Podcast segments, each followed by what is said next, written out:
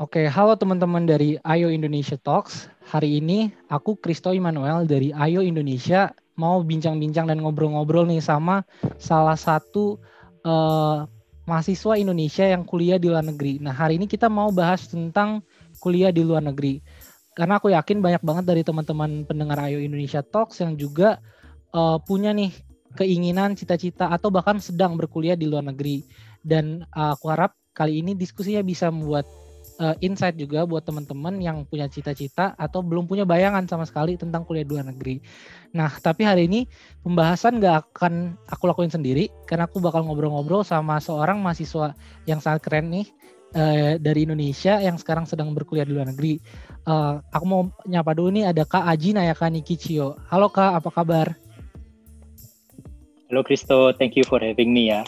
Iya, nah boleh dong Kak kenalin diri sedikit ke teman-teman pendengar Ayo Indonesia Talks tentang mungkin Kak Aji siapa dan juga sekarang lagi berkuliah di mana. Iya, boleh boleh. Uh, halo semuanya, uh, kenalin aku Aji. Uh, sekarang sedang di tahun terakhir kuliah S2 di MIT Massachusetts Institute of Technology. Uh, jurusan aku itu namanya System Design and Management uh, atau lebih sederhananya Engineering and Management sih. Uh, hari ini mungkin kita tadi mau ngomongin tentang uh, kuliah di luar negeri ya. Uh, jadi kalau aku sendiri sebenarnya S1-nya pun juga di luar negeri, yaitu di National University of Singapore and US. Um, tapi uh, dari lahir sampai SMA di Jakarta. Uh, jadi mungkin ya siapa tahu bisa memberi uh, pengalaman sedikit ya kita coba aja ngobrol hari ini lah ya. Siap Kak, makasih untuk perkenalan singkatnya. Nah, kita mau tahu dulu nih Kak sebelum kita gali-gali lebih lanjutnya tentang perjalanan pendidikan Kakak eh, di luar negeri. Kita mau tahu dulu dong Kak, uh, boleh nggak sih Kak ceritain sedikit uh, tadi mungkin udah dikasih tahu ya dari S1 di mana dan S2 di mana. Tapi mungkin boleh dong Kak sedikit sharing secara umum gitu Kak perjalanan pendidikan Kakak mungkin dari SMA sampai masuk ke S1 dan juga ke S2 Boleh, boleh. Um, jadi uh, sedikit background gitu ya, kenapa uh, ini kenapa kayak mau masuk S1 di Singapura gitu ya. Um, jadi sebenarnya bahkan udah sort of agak bercita-cita untuk kuliah di uh, Singapura antara di NUS atau NTU itu waktu aku masih SMP. Uh, waktu itu aku SMP-nya di uh, Canisius uh, dan waktu itu uh, aku pengen banget bisa ke Singapura karena uh, engine karena aku memang udah dari awal suka sama engineering. Uh, waktu itu masih antara science atau engineering sih cuma rasanya science atau engineering itu di Singapura cukup uh, berkembang. Uh, dan kebetulan nggak terlalu uh, jauh dari rumah Uh, tapi sebenarnya lebih dari itu alasannya lebih karena apa ya uh, agak sedikit um, gengsi gitu kali ya. Uh, rasanya bukan gengsi sih tapi kayak tertantang gitu karena uh, waktu aku SMP itu uh, mendengar uh, kakak aku angkatan kakak aku yang waktu itu uh, daftar ke Singapura ternyata yang keterima itu sedikit Uh, jadi aku kayak pengen buktiin aja sih, kayaknya uh, gue bisa nggak sih ke sana nih, kayaknya uh, cukup jarang uh, orang Indonesia masuk ke sana. Jadi jadi waktu itu aku pengen coba buktiin aja sih sebenarnya salah satunya juga. Um, tapi memang semakin mendekat uh, SMA, uh, uh, itu aku SMA-nya di Semak Satu Penabur Jakarta. Uh, kebetulan memang SMA aku waktu itu uh, sangat menekankan science uh, for the good and bad reasons ya. Uh, I spend most of my time waktu di SMA itu jadinya uh, belajar uh, bukannya uh, ekstrakurikuler padahal ya ya aku juga senang banget main bola main musik dan lain-lainnya gitu uh, cuma uh, karena itu mungkin jadi uh, gimana ya jadi agak terbawa terpengaruh kalau uh, memang harus mempersiapkan uh, uh, ya fisika, uh, matematika juga itu untuk bisa masuk uh, ke NUS atau NTU waktu itu. Um, jadi semakin uh, mendekati ya SMA 3 itulah uh, semakin uh, kuat sih keinginannya untuk bisa S1 di sana ambil uh, bidang teknik elektro. Um, waktu itu juga sebenarnya masih belum uh, kayak oh harus banget sih elektro gitu, enggak juga. Uh, tapi pilihan pertama aku itu elektro, pilihan kedua teknik mesin, pilihan ketiga itu uh, computer science ya atau teknik informatika. Um, ya alhamdulillah waktu itu uh, berhasil keterima setelah menjalani uh, tes uh, ke Singapura dan uh, ya di situ uh, ya memang akhirnya tumbuh interestnya sih uh, sampai akhirnya pun juga uh, kerja sampai sekarang uh, lulus uh, hampir lulus uh, S2 uh, sorry uh, sampai mau masuk uh, ke S2 dan akhirnya kuliah di S, kuliah S2-nya dan hampir lulus S2 juga uh, masih uh, di bidang electrical engineering lah kira-kira seperti itu. Um, ya, kira-kira gitu sih perjalanannya. Kristo yang singkatnya dulu kali ya.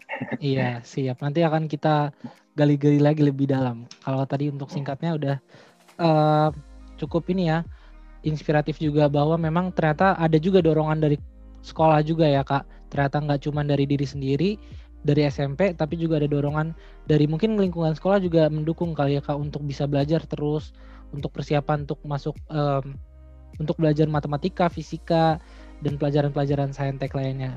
Iya kan kak? Berarti memang ada dukungan dari luar juga selain dari diri sendiri.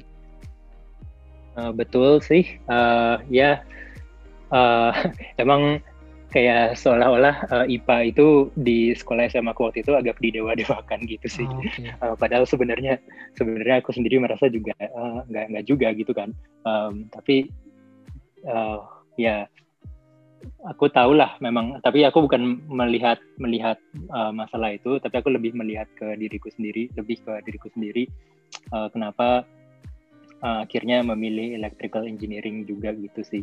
Yaitu emang uh, karena waktu itu SMA aku juga sempat sebenarnya ini pengaruh di luar sekolah juga uh, jadi uh, aku sempat ikut uh, komunitas uh, robotik dan aku ikut uh, lomba juga di waktu itu di level Jakarta level nasional uh, dan di situ ya tumbuh interest untuk uh, belajar engineering sih uh, jujur waktu SMA uh, kayaknya uh, nggak terlalu banyak pengalaman praktis. Uh, aku tahu banyak sekolah lain yang uh, sekolahnya banyak punya elektro gitu ya. Uh, tapi waktu itu SMA aku kebanyakan lebih teori sih IPA-nya. Oke, jadi memang ternyata faktornya banyak yang nggak hanya dorongan dari diri sendiri, mungkin sekolah yang notabene yang mendewakan jurusan IPA tapi juga ada kegiatan-kegiatan di luar sekolah yang juga bisa grow interest untuk jurusan-jurusan tertentu. Itu ya kak? Hmm. oke. Nah itu kan tadi motivasi yang apa yang memotivasi uh, kak Aji gitu. Nah pertanyaan selanjutnya nih kak apa sih yang memotivasi uh, dan jadi pertimbangan nih buat Kak Aji untuk memilih kuliah S1 di luar negeri? Selain daripada untuk memberi pembuktian tadi seperti yang kakak udah bilang atau mungkin karena memang bagus di sana. Jelas kita tahu memang NUS itu bagus kan. Nah tapi pertimbangannya apa sih kak? Kenapa harus di luar negeri? Itu ada nggak mungkin iya. pertimbangan khusus gitu yang membuat S1-nya di luar negeri nggak nunggu S2 dulu gitu kak uh, ya betul. Uh, ada sih. Uh, memang uh, ya aku merasa kayaknya ada aja gitu sesuatu di sana yang ada di yang ada di sana yang uh, mungkin di sini kita belum punya gitu ya. Uh, mungkin itu yang aku rasakan uh, waktu pertama kali daftar. Dan ternyata waktu aku di sana aku juga uh, bisa melihat secara langsung. Um, ya mungkin aku nggak bisa compare uh, apple to apple gitu uh, dengan kampus teknik kita di sini. Karena kampus teknik kita di sini juga banyak kelebihannya. Uh, karena banyak uh, industri sebenarnya yang di Singapura eh sorry yang di Indonesia yang nggak ada di Singapura gitu kan. Dan sebaliknya juga sih. Um, tapi yang aku lihat uh, khususnya aku ngomong dari sisi teknik elektro ya atau mungkin ya bisalah di generalize sedikit ke teknik uh, itu lebih ke fasilitas. Uh, jadi uh, karena kalau aku percaya apa pun yang sifatnya engineering itu harus hands on belajarnya. Jadi kita nggak mungkin bisa teori terus. Dan waktu aku uh, daftar kuliah itu uh, untuk aku bisa tahu mereka nih ada uh, apa uh, emang ada materi-materi yang sifatnya hands on itu uh, aku uh, ke YouTube channelnya mereka gitu ke YouTube channel dan juga uh, lihat uh, YouTube YouTube channel dari um, uh, ini biasa kelas-kelasnya. Kadang kadang kelasnya itu punya YouTube channel untuk kayak uh, proyek-proyek laboratoriumnya. Nah itu aku lihat juga. Jadi uh, kelihatan sih kalau mereka oh iya berarti emang ada barangnya nih yang kita mainin ada laboratoriumnya juga ya bolehlah uh, gitu. Um, dan pada saat itu sebenarnya uh, ya kalau boleh jujur sebenarnya aku pun akhirnya nggak sempet um, membandingkan uh, lebih terlalu dalam sih uh, mengenai kuliah di luar negeri atau di uh, di Singapura ataupun di sini uh, karena um, uh, waktu itu penerimaan yang di Singapura itu sudah jauh lebih awal daripada uh, tesnya uh, SBMPTN-nya. Uh, jadi um, waktu itu tuh mungkin bulan Februari kalau nggak salah sudah keterima dan uh, aku bisa membuat keputusan dan ya, ya sebenarnya perlu membuat keputusan lebih awal juga sih uh, daripada uh, itu. Jadi akhirnya ya aku pilih untuk tetap uh, ambil ke NUS uh, lalu mungkin uh, faktor lain ya. Faktor lain juga uh, pengalaman sih. Uh, dan aku yakin ini bisa di uh, apa ya ya mungkin bisa dimengerti uh, uh, dengan teman-teman semua juga mungkin. Uh, gimana sih? Pasti penasaran gak sih? Uh, selama ya hampir berapa tahun tuh? Hampir 18 tahun ya berarti kalau misalkan dari lahir sampai SMA uh, hidup uh, sama keluarga terus gitu kan.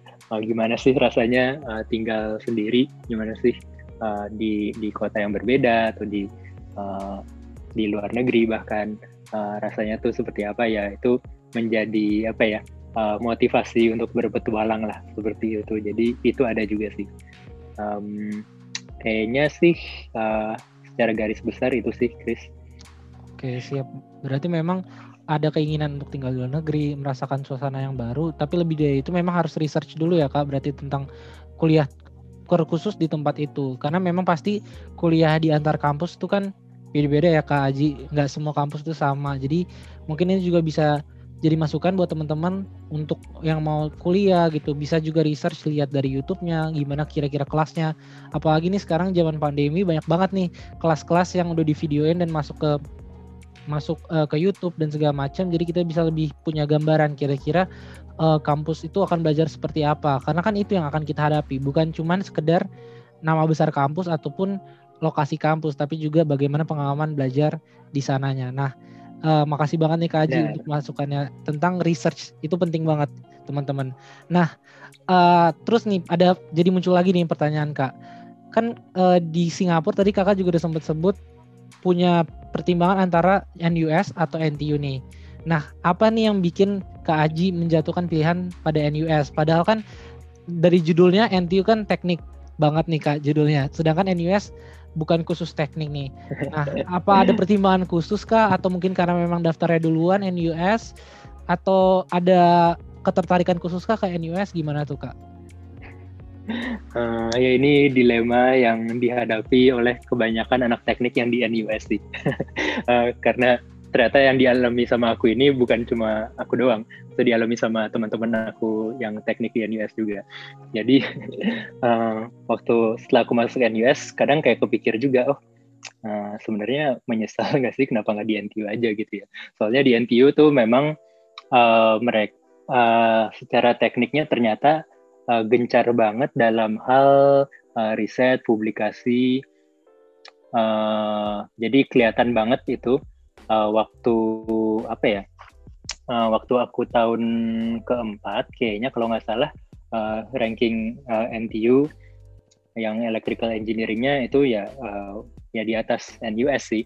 Um, dan NTU juga uh, banyak apa ya waktu itu aku kan kebetulan lagi ambil ini ya apa sedang memperdalami uh, engineering di satelit. Jadi waktu itu NTU udah lebih duluan uh, sekitar tiga tahun lebih dulu lah. Jadi kadang waktu itu suka mikir juga oh, kayaknya apa nggak mending di NTU aja gitu. Nah, dan sebenarnya alasan aku untuk milih NUS ketimbang NTU as simple as oh lebih susah masuknya ke NUS jadi jadi uh, dan yang yang berhasil masuk ke NUS itu lebih sedikit. Jadi walaupun aku uh, ya waktu itu bisa keterima di dua-duanya akhirnya milih ke NUS sih. Dan ternyata yang uh, menggunakan alasan itu nggak cuma aku doang ya okay. begitulah kira-kira ceritanya. Jadi ada pertimbangan itu juga yang tadi disebut juga ya untuk pembuktian juga ternyata uh, berpengaruh juga ke pilihan NUS atau NTN juga. Nah, ini menarik nih, nggak semua orang tahu kan kalau ternyata memang uh, pada saat itu lebih sulit untuk masuk ke NUS karena memang lebih sedikit yang bisa lolos. Oke, nah ini ngomongin soal lolos susah dan enggak nih penasaran nih kak kan kalau misalnya di Indonesia kalau mau masuk PTN gitu ya kan ada inten. Nah, kira-kira kalau ke NUSNT itu ada bimbelnya juga nggak sih kak? Yes, um, waktu itu aku ikut bimbel uh, dan dan sangat-sangat berguna sih uh, bimbelnya itu karena aku nggak tahu sih bimbelnya masih ada atau enggak. Uh, tapi bimbelku waktu itu hmm, ya dia memang setiap tahun sih selalu aja ada yang yang berhasil keterima gitu kan. Jadi track recordnya bagus dan ya latihan-latihan soalnya memang relevan dengan tesnya. Um, itu sangat berguna sih. Uh, waktu itu aku uh, ya ikut bimbelnya penting, tapi sebenarnya lebih penting lagi bahkan uh, latihan soal di luar waktu bimbelnya itu. Uh, waktu itu aku ya lumayan uh, ini ya uh, apa sih uh, ya obses obses terhadap uh, gimana caranya supaya dapat uh, nilai bagus uh, ya, untuk uh, tesnya jadi ya aku coba latihan aja sih terus uh, hampir ada ada momennya di mana aku latihan tiap hari ada momennya di mana kayak aku cuma latihan seminggu sekali gitu sih. Oke jadi memang harus diatur uh, tahapan-tahapan belajarnya supaya bisa uh, lolos dan juga pasti harus ada drive dari diri sendiri kan kak untuk bisa termotivasi tinggi untuk bisa lolos jadi bisa latihan setiap hari dan benar benar Sip, sip. Iya, nah. kalau dari aku sih mikirnya gini aja sih, kayak uh, kuliah itu kan empat tahun ya, itu bukan waktu oh. yang sebentar. Uh, jadi anggaplah ini investasi yang luar biasa terhadap masa depan kita gitu. Uh, bukan cuma masa depan kita, tapi pada untuk melalui empat tahunnya aja tuh uh, uh, nggak sebentar gitu kan. Jadi uh, uh, ya sebisa mungkin ya ini kita kayak pertaruhkan gitulah kayak oh uh, kalau gue mau spend waktu empat tahun gue nih uh, bagusnya di mana sih gitu sih jadi uh, ya apa pun kuliahnya sih ya uh, itu mungkin bisa menjadi bahan pertimbangan lah uh, gimana uh, kita uh, untuk bisa sungguh-sungguh uh, daftar kuliah gitu. Betul. Jadi proses kita persiapan kuliah dan bahkan pas kuliahnya itu nggak cuma untuk dalam waktu empat tahun plus persiapan ya kak, tapi juga itu investasi untuk setelah lulus itu akan jadi uh, investasi buat masa depan kita juga nggak cuma waktu pas kuliah aja, betul kan kak? Hmm. Dan ini kan kayak uh, ya setidaknya sih untuk aku sih uh, mungkin belum tentu uh, sama dengan semuanya, tapi uh, setidaknya untuk aku ini untuk pertama kalinya gitu kan aku bisa mencoba uh, membuat keputusan aku pengen kuliah di tempat tertentu gitu. Bukan lagi kalau kalau sekolah SD SMP SMA kan kadang kan pilihan orang tua gitu kan. Uh, ya mungkin kuliah kadang juga sih ada pengaruhnya juga. Cuma kali ini setidaknya uh, ada uh, ada sedikit uh, ya lebih lebih lebih banyak kontrol gitu kan kalau ini emang pilihan kita gitu Tuh, jadi kita jadi uh, semangatnya kita belajar, motivasi tinggi kita, ya itu pasti bentuk tanggung jawab kita akan pilihan kita kan kak. Jadi kalau kita memang mau masuk ke tempat A, ya kita harus bertanggung jawab, kita harus belajar dengan giat untuk memantaskan diri dan ya itu bentuk tanggung jawab kita. Apakah kita benar-benar serius waktu mau melakukan komitmen bahwa masuk ke universitas A atau jurusan A gitu. Oke nah ini menarik juga nih kak. Ini adalah pertanyaan sejuta umat mungkin banyak orang nanya lebih mending milih jurusan duluan apa kampus duluan sih kak? Kan tadi kak Haji bilang uh, dari SMP memang mau kuliah di luar negeri mau di Singapura karena bagus tapi dekat. Nah tapi untuk jurusannya sendiri, how do you grow interest sih kak? Dan apalagi terkhusus tadi kak Aji juga sempat sebut singgung tentang uh, engineering untuk khusus satelit, satellite engineering. Itu gimana sih kak Aji bisa menemukan atau grow interest terhadap jurusan itu dan apakah jurusan itu duluan yang ditentukan apa kampusnya duluan yang ditentukan untuk uh, di kasus kak Aji? iya, ini pasti tiap orang jawabannya berbeda ya, mungkin. Uh, tapi kalau dari aku sendiri sih, uh, I would say lebih penting jurusan, uh, baru kampus. Um, tapi again, uh, waktu itu aku juga ujung-ujungnya akhirnya milih NUS ketimbang NTU. Walaupun memang sudah kedengeran kalau NTU elektronya bagus gitu ya. Uh, waktu itu aku cuma milih berdasarkan ranking uh, salah satunya. Um, uh, tapi tetap sih lebih ke jurusan. Uh, ini juga relevan untuk uh, S2 aku sih. Um, S2 aku ini jurusannya uh, benar-benar ya kalau bisa dibilang pas banget dengan apa yang waktu itu aku cari dan bahkan lebih dari apa yang aku ekspektasikan sih. Awalnya aku bahkan nggak tahu ada jurusan kayak gini gitu.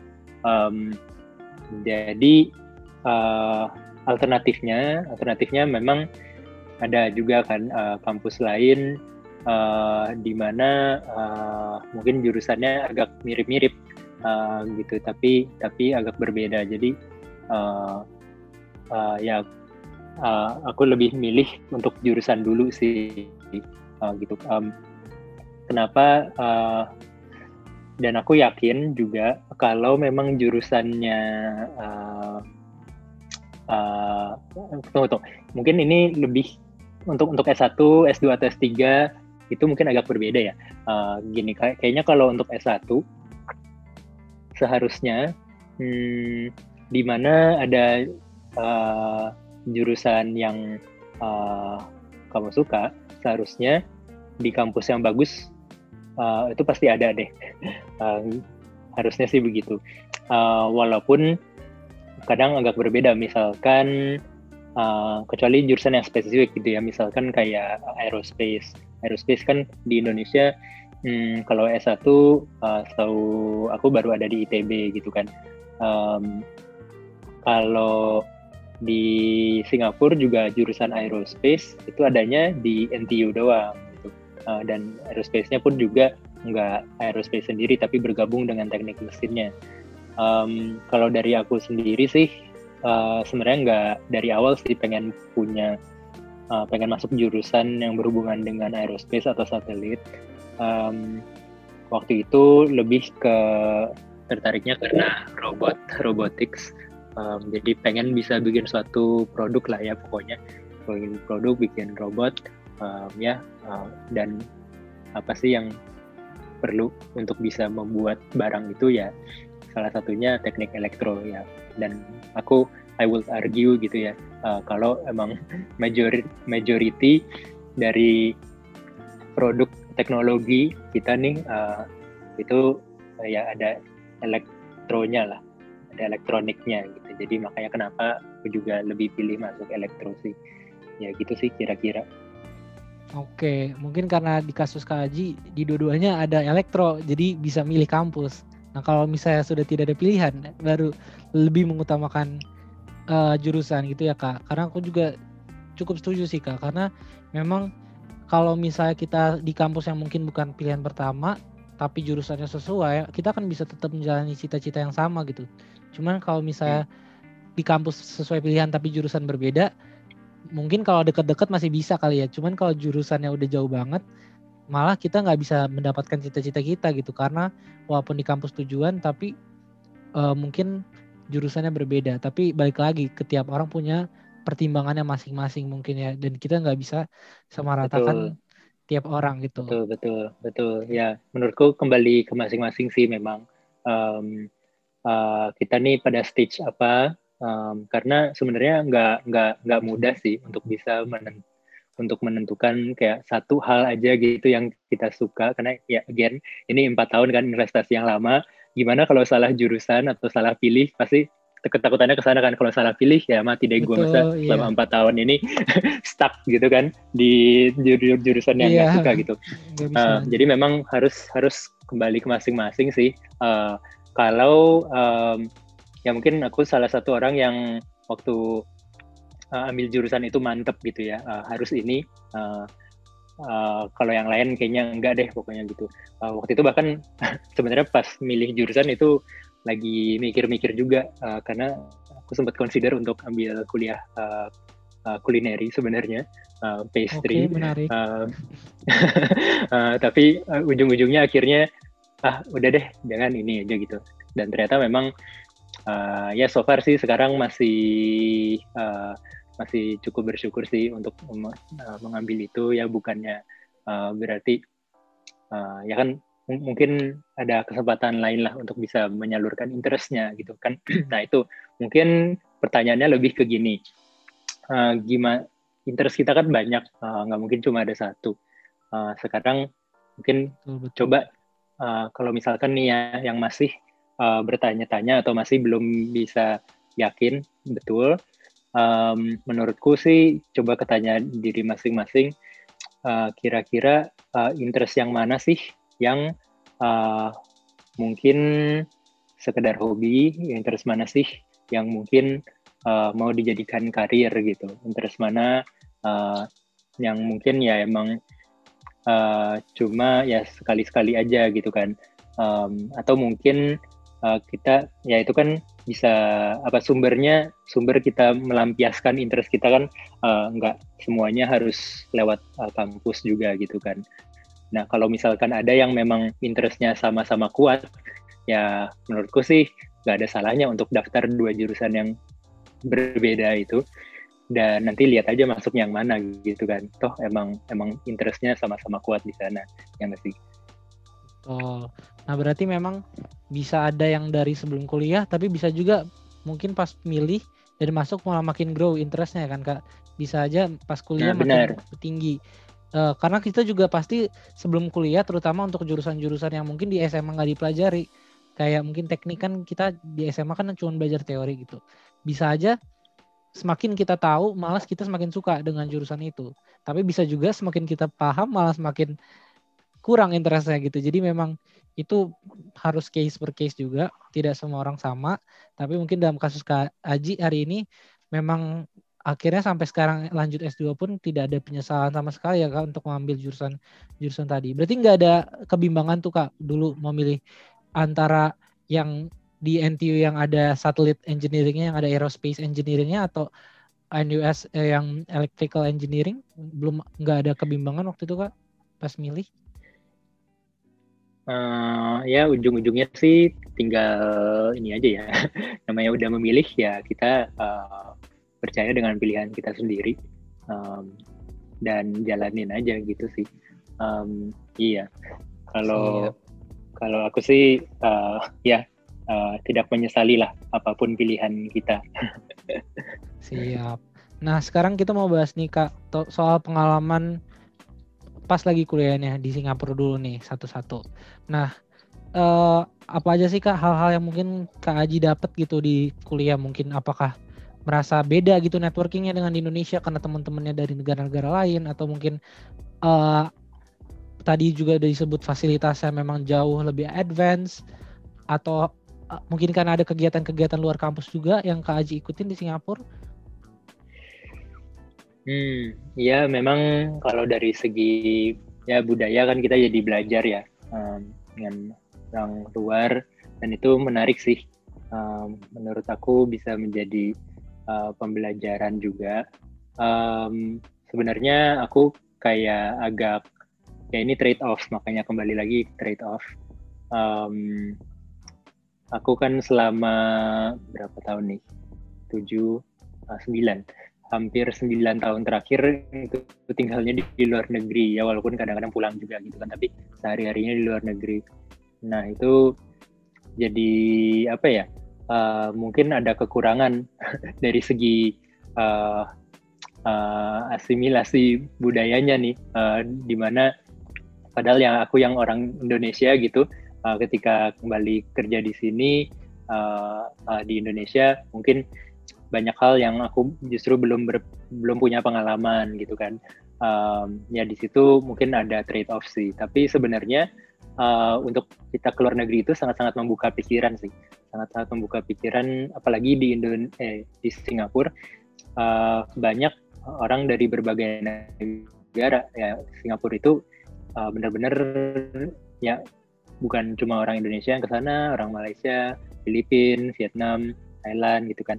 Uh, jadi ini ini kan apa dari AYO kan dari ASEAN ya. Uh, ya, ya berasa sih, berasa ya, kita pasti punya punya uh, temen dari dari luar uh, Indonesia yang sesama ASEAN dan banyak kesamaannya sih justru. Oh, malah banyak kesamaannya. iya. Gimana jadi tuh, kayak misalnya? ya bahkan ya kalau orang Filipina lagi ngomong aja kadang kita kira eh itu orang Indonesia gue oh, oh ternyata bukan gitu. Ya maksudnya kayak uh, dari dari gaya ngomongnya terus juga uh, bukan cuma dari gaya ngomongnya aja. Ketika kita lagi ya kesukaannya maksudnya dia dari dari tipe makanan. Terus juga um, uh, hobi-hobinya sebenarnya agak ya kita bisa lah bisa bisa dengan mudah uh, bergaul gitu uh, kenapa aku bisa bilang gini? Karena aku juga mengalami kuliah di Amerika kan. Jadi oh, ternyata memang uh, apa uh, ya Asia gitu. Bahkan ya bukan cuma Southeast Asia gitu ya. Jadi orang uh, China uh, orang Jepang orang Korea gitu ya ada banyak kesamaannya sih sama kita. Itu uh, menjadi pengalaman yang menarik lah. Uh, oh, lalu tadi pertanyaannya apa ya uh, ada kegiatan lain nggak ya? ya di luar kampus gitu atau di luar kuliah yang utama oh uh, uh, uh. Um, kalau waktu S1 uh, aku sempat nyoba sih beberapa walaupun nggak segiat teman-teman yang lain karena aku waktu itu juga uh, fokus dengan proyek uh, jadi aku pernah ikut uh, canoeing waktu itu ambil sertifikat. Uh, pernah juga ikut ini sih. Jadi uh, ah komunitas Indonesia di NUS sama di NTU juga. Dan uh, aku juga yakin di kampus lain kampus Singapura lain komunitas Indonesia-nya cukup kuat. Uh, jadi makanya itu yang membuat sebenarnya tinggal di Singapura pun juga nggak jauh nggak berasa jauh dari Indonesia sama sekali. Um, karena komunitasnya juga kuat. Kita ada perhimpunan Indonesianya setiap kampus dan perhimpunan Indonesianya punya uh, acara. Uh, waktu itu salah satunya yang aku pernah ikut uh, mereka itu punya uh, acara ini uh, musical uh, drama musikal setiap tahunnya. Waktu itu aku ikut di bagian uh, sets and propsnya. Ya itu pengalaman aja sih. Um, tapi ya uh, ya itu salah satunya juga apa ya membangun uh, relasi lah dengan teman-teman sesama Indonesia. Oke, jadi memang ternyata nggak cuma di kelas aja, tapi juga ada kegiatan-kegiatan di luar yang mungkin beda gitu ya dengan yang di Indonesia. Kan di Indonesia tidak ada tuh namanya perhimpunan pelajar Indonesia karena di Indonesia kan. Oke. Okay. Benar, benar, benar. Benar itu jadi kayak gini sih. Uh, ya sih, jangan-jangan ya ini uh, kalau ada pepatah yang bilang semakin jauh dari tanah air justru makin cinta gitu ya. Uh, itu ya bukannya uh, apa bukannya mau bermaksud cheesy atau garing gitu.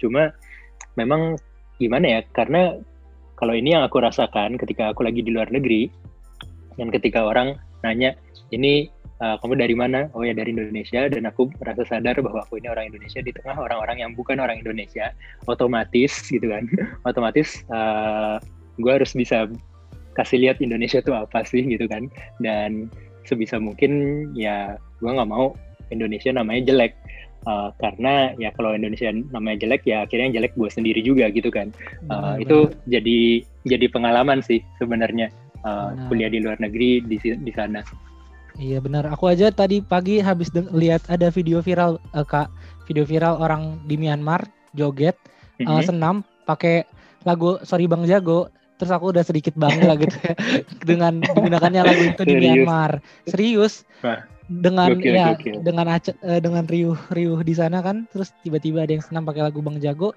ada kebanggaan sedikit gitu di di Singapura juga orang makan Indomie gitu kan aku juga sedikit bangga jadi memang di luar negeri pasti lebih berasa gitu ya rasa nasionalisme oh, dan iya. segala macam.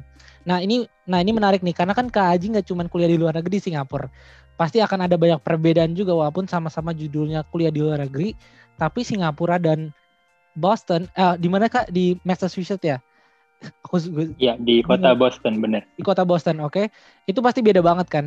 Uh, budayanya juga belajarnya. Nah, mungkin sebelum masuk ke situ lebih jauh, aku mau tanya deh. Mungkin pertimbangan apa sih yang Kak Aji uh, punya gitu waktu itu untuk memutuskan nih harus lanjut S2? Apakah Kak Aji kerja dulu baru dikerja merasa ada kebutuhan untuk S2 atau memang udah menargetkan nih oh nanti habis S1 mau langsung S2? Iya, iya. Um, kalau dari aku sih jujurnya waktu tahun terakhir S1 itu ada krisis identitas. Uh, yang nggak sampai identitas lah, tapi lebih kayak uh, krisis okay. uh, mau ngap mau, ngap mau ngapain gitu kan, uh, habis kuliah nih, uh, pasti deh semuanya kayak gitu kan, mau S2, mau S3 atau mau kerja gitu kan. Um, ini uh, pendapat aku aja ya, uh, belum tentu benar, tapi ketika um, kita uh, di tahun terakhir, lalu pilihan utamanya adalah langsung S2, sebenarnya uh, kita harus tanya lagi, uh, jangan-jangan ini adalah pilihan yang mudah. mudah dalam arti kita nih belum siap kerja aja sebenarnya, akhirnya jadi ya udah, uh, ya kalau gitu kuliah lagi aja deh gitu. Uh, kuliah, tahulah gimana cara kuliah, kalau kerja kayaknya pusing gitu.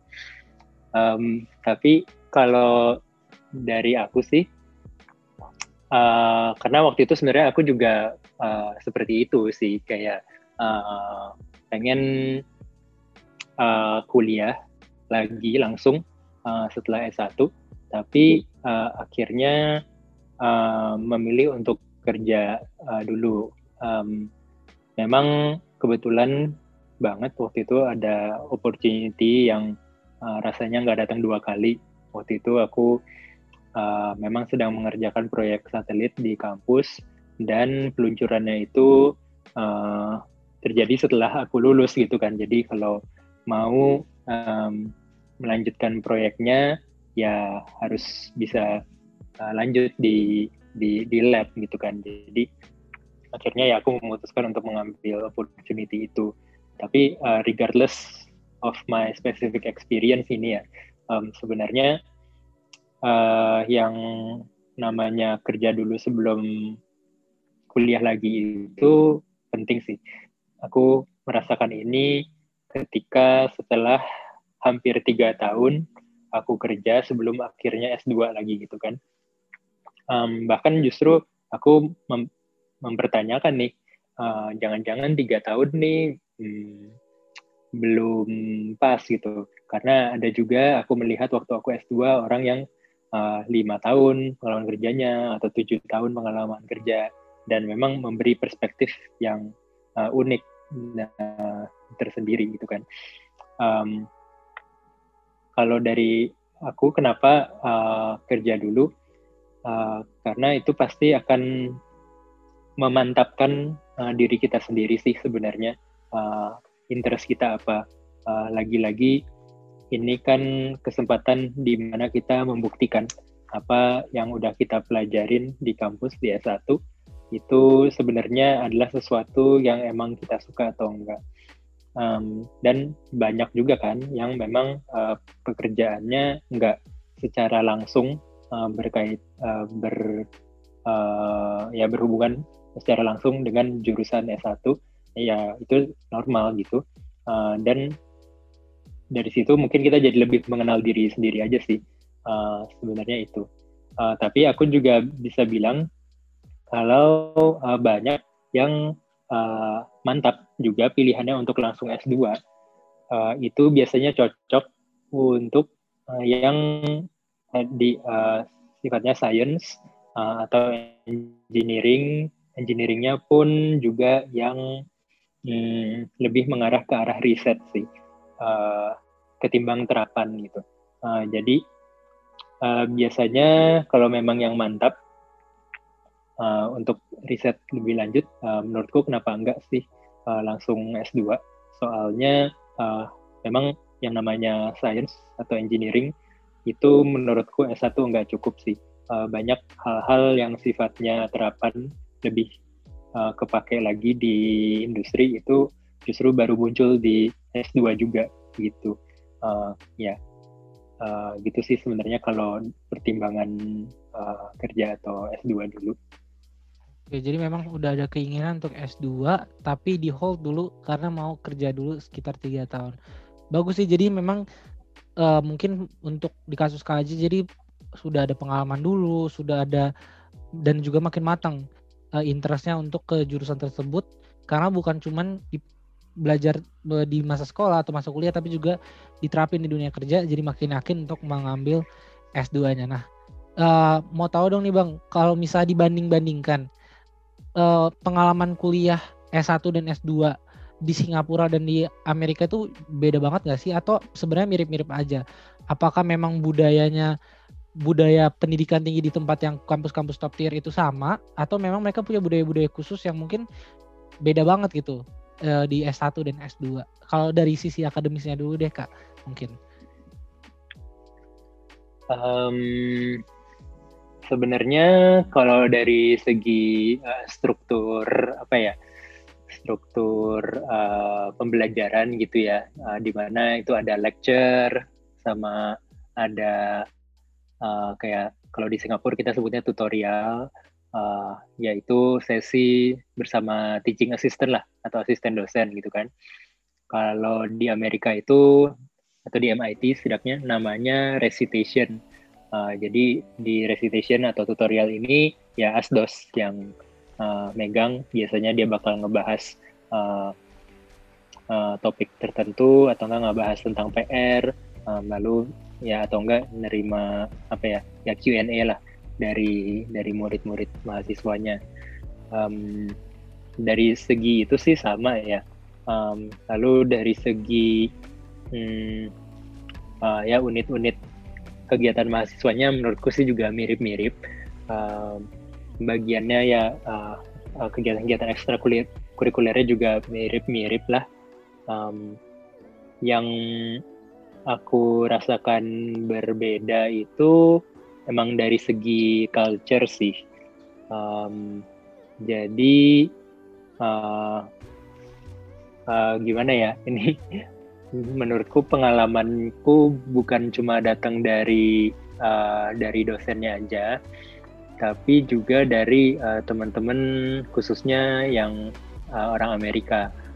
Um, aku nggak tahu sih, uh, tapi memang waktu aku di MIT, um, gimana pun juga lebih banyak orang Amerikanya sih ketimbang orang internasionalnya gitu kan. Um, tapi orang internasionalnya pun juga uh, menariknya, menariknya ke Amerika orang internasional lebih macam-macam lagi. Uh, jadi teman aku itu ada teman baik aku itu dari Chile, uh, lalu juga ada lagi dari Eropa juga gitu kan um, yang di mana sebenarnya jarang banget ditemukan di uh, negara Asia gitu um, jadi uh, itu menarik. Nah kalau dari segi apa yang aku rasakan beda tadi itu sebenarnya um, uh, ini sih. Uh, waktu aku di Singapura hmm, mungkin aku bisa menebak gitu ya. Kayaknya kalau di Singapura itu hmm, negaranya agak lebih uh, mirip dengan ke Jepang gitu. Atau uh, uh, ya mungkin lebih mirip ke Jepang. Uh, di mana yang namanya uh, ketepatan waktu itu uh, penting banget gitu. Dan dan itu mungkin kebawa karena kultur public transportation ya aku yakin. Ya ini menurut ya pendapat subjektifku aja sih um, kalau di Amerika ya public transportationnya uh, nggak semaju nggak sebagus itu. Um, jadi uh, orang-orangnya pun juga lebih cincai sih ke ketimbang apa apa ke ketimbang Singapura atau Jepang. Jadi yang namanya uh, plus minus uh, 5 menit atau 15 menit tuh masih oke okay, gitu. Uh, maksudnya bukannya aku ini aku melihat bukannya dari cuma mereka yang melihat aku telat gitu misalkan Hmm, tapi juga sebaliknya, aku melihat mereka justru yang telat gitu. Jadi uh, kalau itu kayaknya jarang banget aku lihat dari orang Jepang gitu misalkan, pasti mereka tepat waktu banget gitu deh most of the time. Um, terus, tapi dari segi hal yang sangat sederhana tadi, sebenarnya itu kebawa ke berbagai macam hal sih. Uh, dalam arti begini, hmm, Artinya sebenarnya orang Amerika setidaknya ya yang aku yakin bukan pendukung Donald Trump uh, yang di yang aku temukan di MIT itu mereka orangnya hmm, uh, santai dalam arti hmm, uh, bukan cuma dalam bergaul tapi juga uh, dalam bekerja sama gitu. Jadi uh, mereka suportif. Ketika kita ada kesulitan ketika kita ada uh, yang bahkan kesulitan yang sifatnya personal gitu uh, mereka pengen tahu mereka pengen tahu dan pengen mengerti. Oh begitu. Bukan cuma mengerti doang bahkan uh, uh, ditawarkan bantuan gitu. Ya gimana? How how can I help you gitu. Uh, itu aku melihat banget sih. Uh, dan aku pelajari banget dari kultur uh, orang Amerika sana which yang aku aku rasa itu sangat baik gitu. Um, kalau di waktu aku di Singapura uh, ya again aku merasa ini kembali lagi ke masalah disiplin. Uh, ketika orang Singapura uh, lebih merasa uh, ya namanya disiplin kalau emang kita udah disiplin ya harus sama-sama disiplin. Uh, gue nggak mau tahu alasan lu pokoknya kita uh, udah agree begini ya begini gitu kan. Uh, itu yang kadang aku rasakan sih uh, sebenarnya. Jadi uh, lebih ke toleransi terhadap uh, apa ya? Ya terhadap hmm, ya empat toleransi dan empati terhadap kehidupan uh, uh, ya pribadi uh, uh, uh, ya kita masing-masing as a person gitu. Uh, itu aku dapetin banget. Uh, waktu di Amerika juga uh, ini menarik nih. Jadi kalau tadi aku sort of kesannya kesannya melihat uh, ada sisi kurang baik gitu ya dari Singapura padahal sebenarnya enggak. Itu ada sisi baiknya juga kan dari disiplin hmm. banyak banget sisi baiknya. Um, tapi ini ya. aku iya iya. Uh, ini aku pengen menambahkan uh, waktu uh, ini mungkin uh, uh, nggak cuma di Singapura kali ya tapi juga di Asia gitu kan. Uh, dan bahkan di kita juga di mana uh, mungkin ya ini seperti stereotipe stereotipe yang ada di internet gitu kan di mana uh, kalau orang tua kita bisa lebih keras uh, dalam hal nilai Betul. atau dalam Asian hal parents, uh, ya. dalam iya dalam dalam hal uh, performa kuliah maupun kerja gitu kan. Nah, waktu di Amerika itu aku merasakan uh, orang Amerika itu cepat puas. jadi oh, walaupun jadi, di MIT uh, juga tidak se nggak se Singapura gitu ya. Walaupun di MIT pun standarnya mungkin beda. Apa mungkin kecepatan puasnya gitu dengan di uh, eh, NUS gitu kak mungkin kalau bisa dibandingkan iya jadi aku ngerasa waktu ini waktu aku uh, bikin proyek uh, waktu itu ya yang proyek Hyperloop uh, kelihatan banget um, yang aku yakin sebenarnya ini kerjaan kita uh, masih biasa-biasa aja gitu bahkan kalau aku bandingkan di Singapura atau bahkan di Indonesia ini sebenarnya masih uh, cukup biasa aja tapi mereka udah post oh gitu nah tapi aku melihat dari segi positifnya juga dari sini. Uh, nah kadang kadang aku merasa kayak aduh kok gini aja udah seneng sih. I mean kayaknya kompetitor kita masih lebih bagus deh. Kayak kita belum boleh puas. Kita harus bisa lebih bagus lagi gitu kan. Nah aku merasa begitu. Tapi at the same time aku melihat sisi positif dari sini adalah aku melihat bahwa ya teman-teman ke orang Amerika ini mereka terbiasa untuk celebrate uh, small achievements gitu. Um, dalam arti uh, kita tuh ketika kita merayakan uh, small achievements ini sebenarnya kita terbantu termotivasi. Artinya oh kita bisa loh uh, uh, telah uh, mengerjakan proyek ini sampai sejauh ini. Artinya kita bisa achieve lagi gitu. Itu yang aku lihat sih uh, dan ya seru aja sih jadinya kan. Kayak kita ya punya uh, rasa apa ya uh, ya sense of achievement itu bersama dengan tim gitu kan jadi uh, ya itu aku lihat sisi positifnya juga jadi itulah ya. perbedaan ya kayak iya. warna-warna uh, budayanya sih sebenarnya. Betul. Beda lah ya sama di Asia yang A itu AT average, C itu can go home. di sana lebih bisa apresiatif ya dengan uh, apa yang mereka kerjakan dan enak juga ya kalau misalnya jadi kaji jadi lengkap gitu ya. Udah mengalami budaya di mana standarnya tinggi dan di push, tapi juga merasakan juga budaya yang memang lebih bisa cepat puas dan juga bisa celebrate small things, small achievements gitu. Jadi memang udah sangat paket lengkap nih ya kak.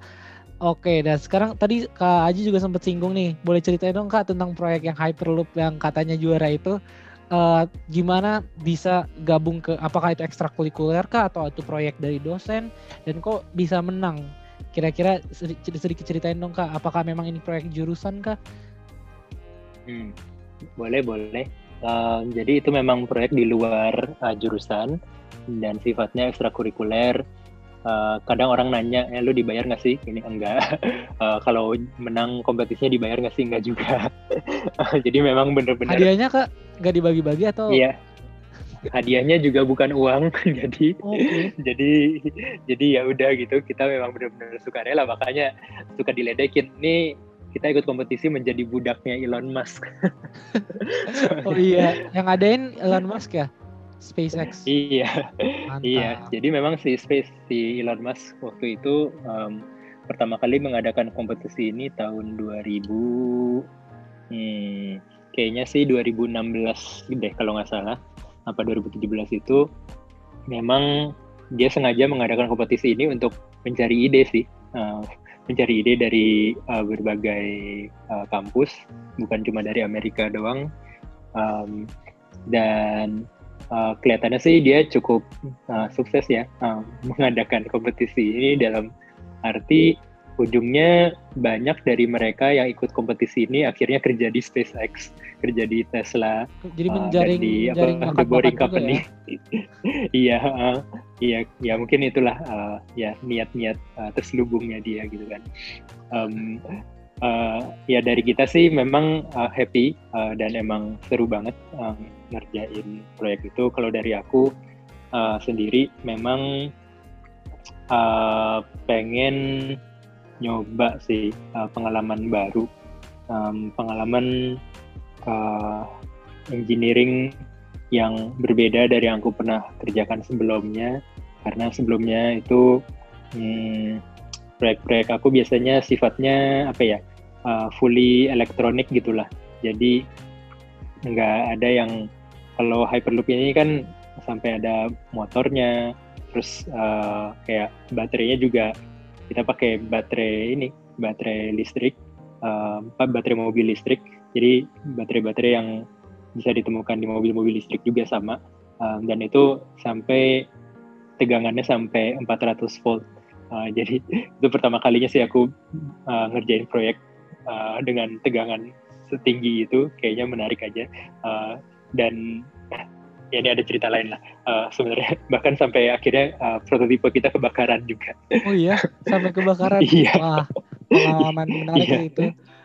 Nah ini ya itulah. Ya makanya jadi uh, sebenarnya pengalaman hyperloop ini justru malah uh, memberi drama tersendiri uh, karena uh, uh, waktu itu sekitar empat minggu sih. Eh sorry. Uh, mungkin lima minggu lah lima minggu sebelum mulai kompetisi itu uh, kebakaran uh, uh, hyperloop uh, kapsul oh, hyperloopnya kita itu kebakaran. Ya waktu itu super panik uh, dan kebakaran cukup parah sih sampai kayak datang pemadam kebakaran dan kayak itu satu gedung ditutup. Terus setiap uh, apa manusia di MIT dapat email kalau ada kebakaran di gedung itu. Jadi, cukup terkenal ya sebelum kompetisi udah iya. terkenal iya. duluan. iya, ternyata gitu cara yang bikin viral tuh begitu. Udah pernah viral ya. Ditunggu viral lagi kak. Iya. Oke. Iya, Jadi ternyata itu menarik ya. Cukup pengalaman menarik sih. Belajar uh, iya. ternyata juga ada, walaupun itu ekstrakurikuler, berarti sama jurusan lain juga kak ya? Nggak cuma jurusan kakak? Ya, nah memang itu juga hmm, serunya sih untuk ikut kegiatan ekstrakurikuler yang sifatnya proyek kayak gini. Uh, kita bukan cuma hmm, apa ya kumpul-kumpul doang uh, gitu kan, tapi kita memang ngerjain sesuatu yang real Uh, jadi akhirnya mau nggak mau kan kita jadi mengenal lebih dekat kan teman-teman kita ini yang di luar jurusan kita sendiri. Betul. Jadi belajar selain juga belajar sama teman-teman di luar jurusan, tapi juga ternyata ada pelajaran-pelajaran yang di jurusan kemarin juga didapat di S1 juga terkait juga ya Kak tentang tentang elektrik dan segala macam juga kepake di proyek ini. Oke, nah sekarang kan kita udah bahas nih banyak tentang pengalaman Kak Aji di di Singapura, di Amerika, mulai dari kegiatan akademik maupun di luarnya juga. Nah sekarang mungkin untuk sebelum menutup nih karena kita ada keterbatasan waktu, kita mau tahu dong uh, kak uh, ada nggak sih tips khusus atau mungkin pesan-pesan dari Kak Aji untuk orang-orang yang mungkin mau mencoba untuk um, tes gitu atau masuk ke universitas-universitas top tier? Mungkin N, uh, NUS juga atau MIT atau mungkin kampus-kampus lain misalnya Harvard atau mungkin ada yang mau masuk uh, NTU dan segala macam. Apakah ada uh, tips-tips tertentu atau mungkin gimana caranya supaya bisa highly motivated. Karena yang aku tahu memang prosesnya cukup panjang ya kak. Maksudnya pendaftarannya nggak sehari aja tapi memang banyak tahap-tahap yang harus dilalui. Mungkin ada nggak sih kak tips-tips atau apa atau mungkin S1 dan S2 punya cara yang berbeda juga mungkin uh, boleh dong kak di share sedikit untuk menutup uh, bincang kita hari ini. Iya iya. Um, mungkin yang aku hmm, masih ingat dengan jelas waktu pendaftaran S2. Tapi uh, again waktu S1 itu uh, sebisa mungkin ya riset lebih awal gitu ya.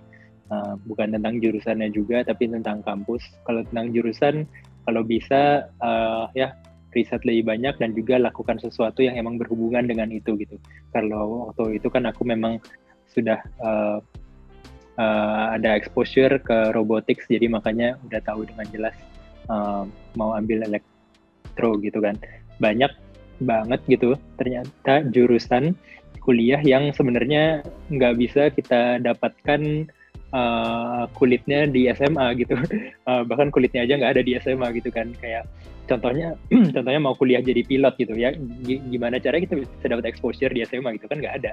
Jadi Betul. memang uh, perlu explore lah. Um, nah kalau untuk pendaftarannya sendiri uh, ya uh, menurutku sebenarnya um, mengenali diri sendiri tadi itu sangat penting karena akhirnya itu akan menjadi memotivasi kita untuk mencari bagaimana sih uh, proses pendaftarannya seperti itu kan.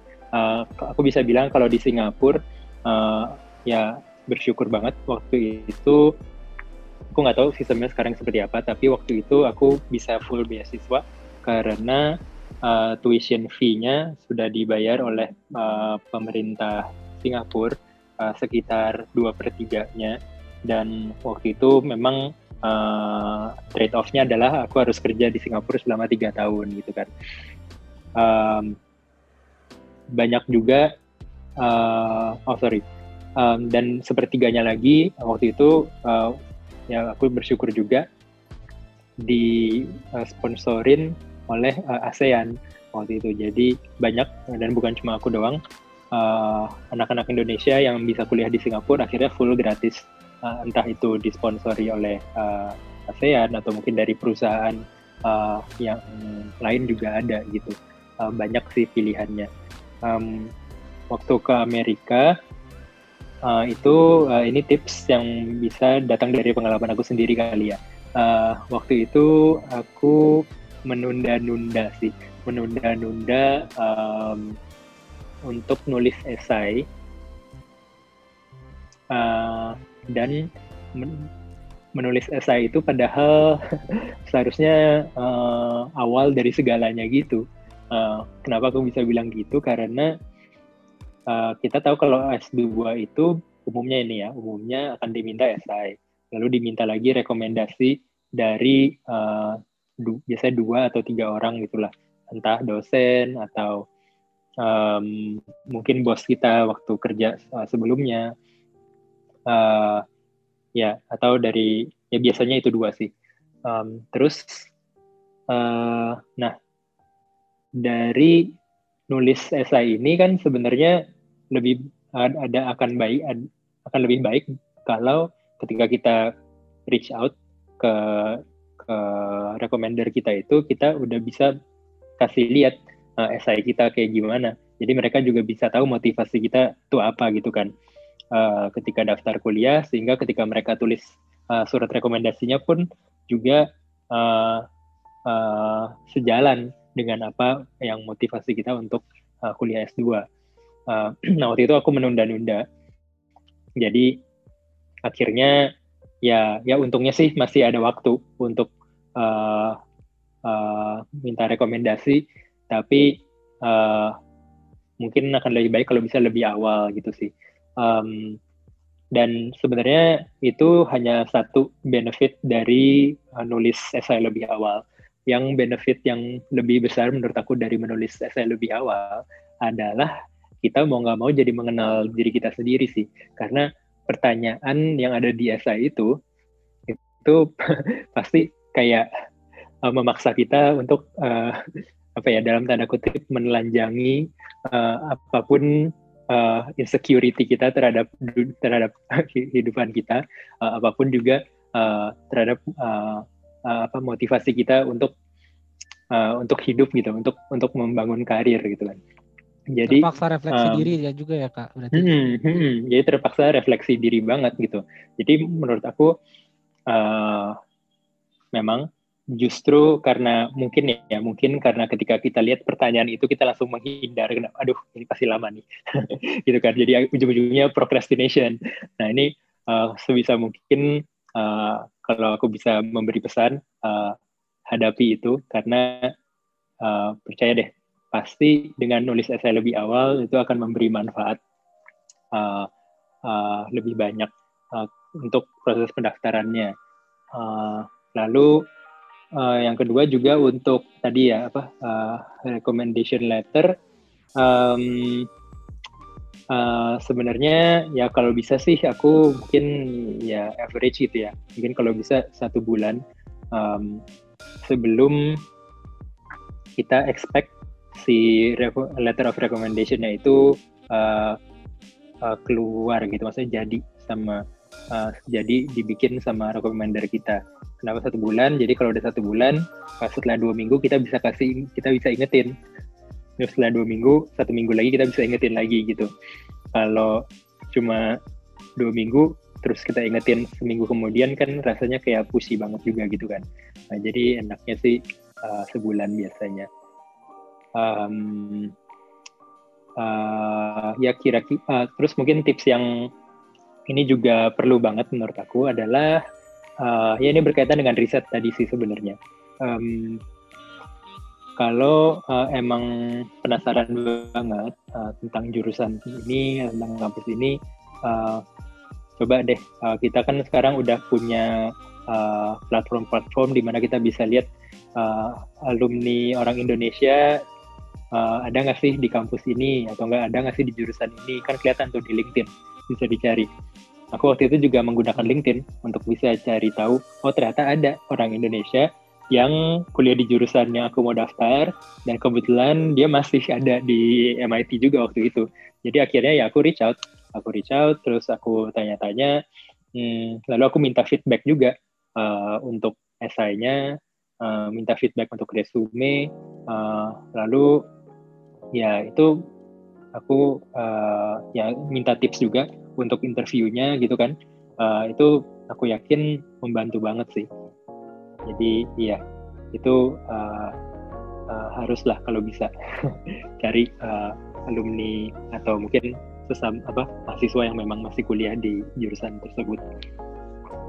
Oke, jadi ini praktikal banget ya tipsnya. Jadi semoga juga bisa diterapin sama teman-teman. Bisa reach out lewat LinkedIn atau mungkin kalau bisa ketemu di Instagram resminya. Uh, misalnya kayak Indonesia di Harvard kan ada tuh Instagramnya bisa juga dicek di situ. Jadi banyaklah cara untuk kita bisa reach out dan juga uh, tips selanjutnya juga tadi jangan sampai ada penundaan karena itu akan menghambat proses proses ke belakangnya juga dan bisa uh, terutama untuk motivation letter karena itu bisa uh, memurnikan lah motivasi kita sebenarnya untuk maju tuh kenapa dan juga tadi menarik banget juga uh, soal beasiswa. Uh, soal beasiswa kita jadi sadar juga ternyata banyak juga option loh untuk financing juga. Ternyata bisa juga lewat beasiswa. Jadi kita nggak usah terlalu takut juga untuk mikirin masalah finansial juga karena masih ada opsi-opsi lain yang juga kita bisa coba apply dan kita coba dapatkan. Bahkan selain beasiswa dari pemerintah Singapura juga misalnya di Indonesia sendiri kan juga ada ya kak uh, beasiswa LPDP juga ada pemerintah negara lain misalnya mau ke Inggris ada chevening dan uh, segala macam. Jadi bisa juga dirisetin bahkan mungkin kak riset ke alumni atau mahasiswa Indonesia di sana nggak cuma soal jurusan ya kak juga bisa soal beasiswa dan juga soal proses seleksi masuknya. Oke. Okay. Iya betul banget betul. Siap. Nah itu tadi tem uh, teman-teman pengalaman dari Kak Aji. Thank you banget Kak Aji udah mau di wawancara ngobrol-ngobrol hari ini. Oke, okay, ya yeah, thank you banget Kristo juga. Um, uh, happy lah anytime uh, uh, and thank you for having me in this uh, very interesting um, podcast ya. Siap Kak. Nah, itu tadi teman-teman pengalaman dari Kak Haji kuliah di NUS dan MIT. Semoga kita semua bisa terinspirasi dan juga bisa dapat insight-insight baru dari uh, bincang dan diskusi hari ini. Sekian Ayo Indonesia Talks episode kali ini. Sampai jumpa di episode-episode berikutnya.